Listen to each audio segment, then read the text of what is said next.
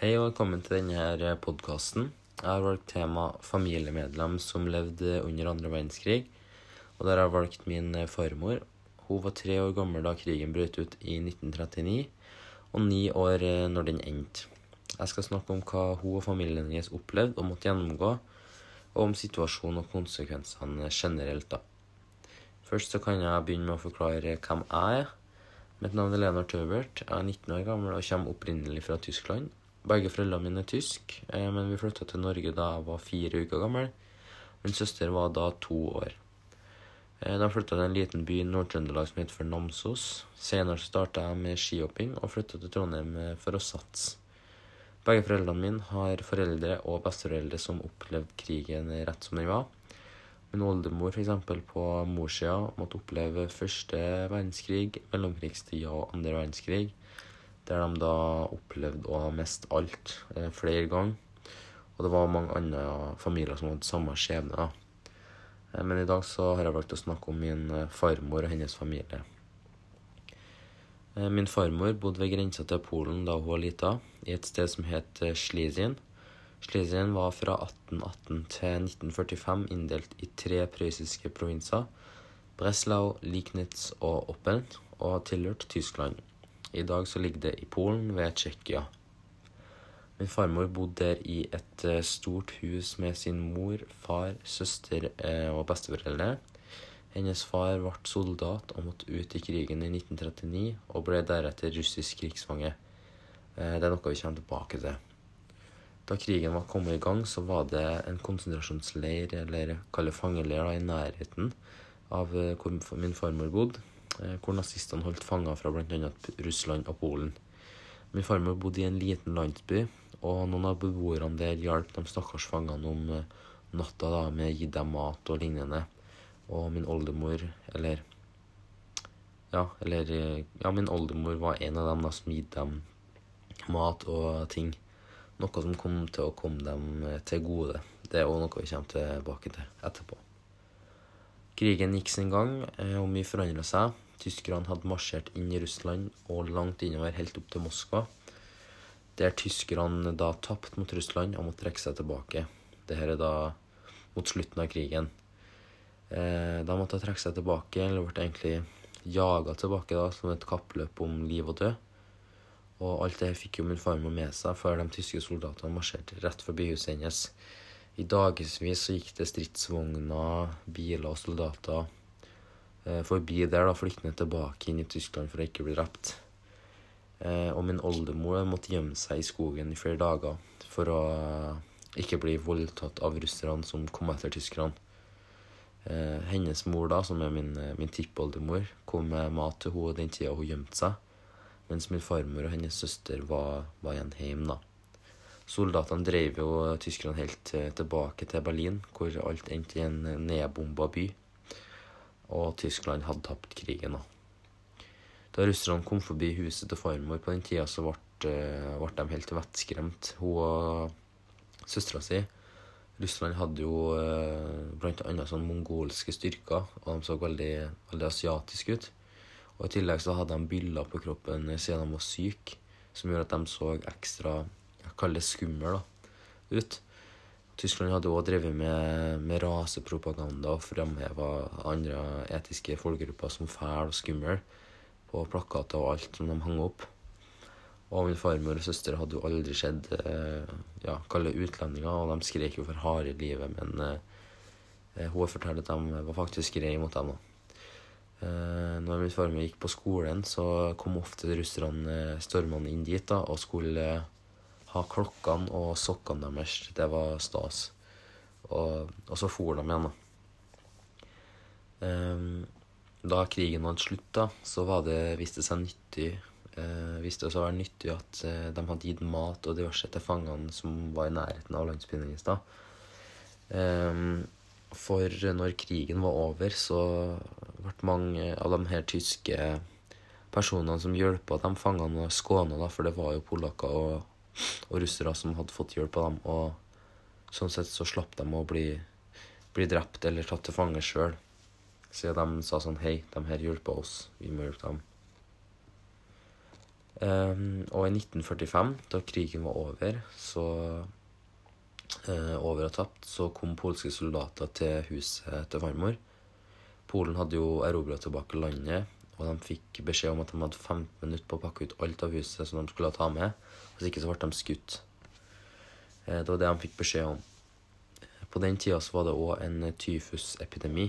Tyfus er en tyfoidfeber og paratyfoidfeber som kommer fra salmonellabakterier.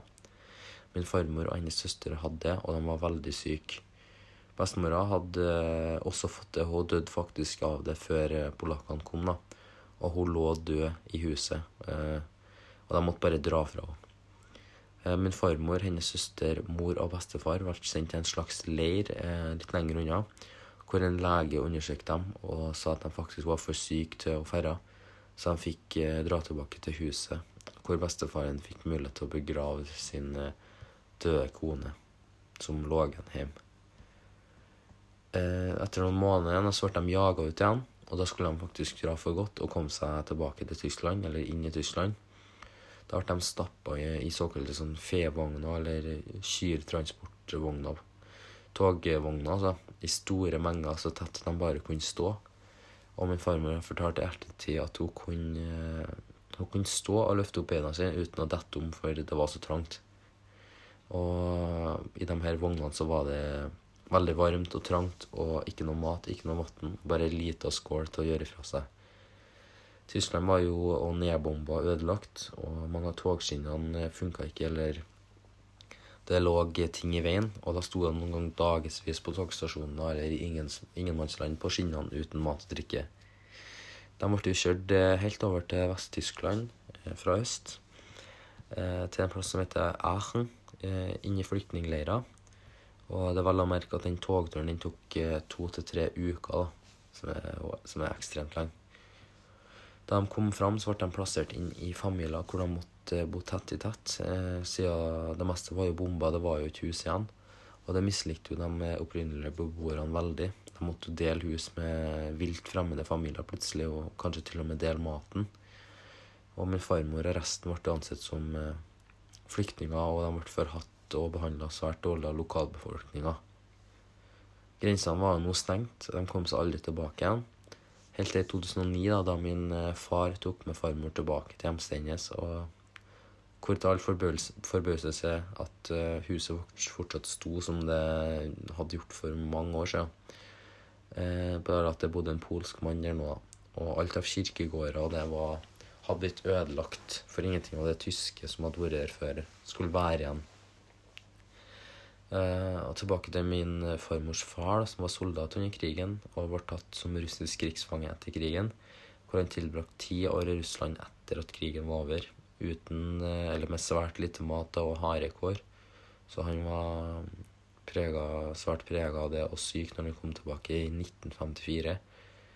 Eh, og han døde da ganske tidlig, men faktisk etter min eh, oldemor. Hun døde eh, i 1967, da min far ble født. Hun ble bare noe, noen og 60 år. Eh, min farmor vokste altså opp i det kaller nye Tyskland, da, hvor hun fikk avslutta skolegangen, studerte og jobba.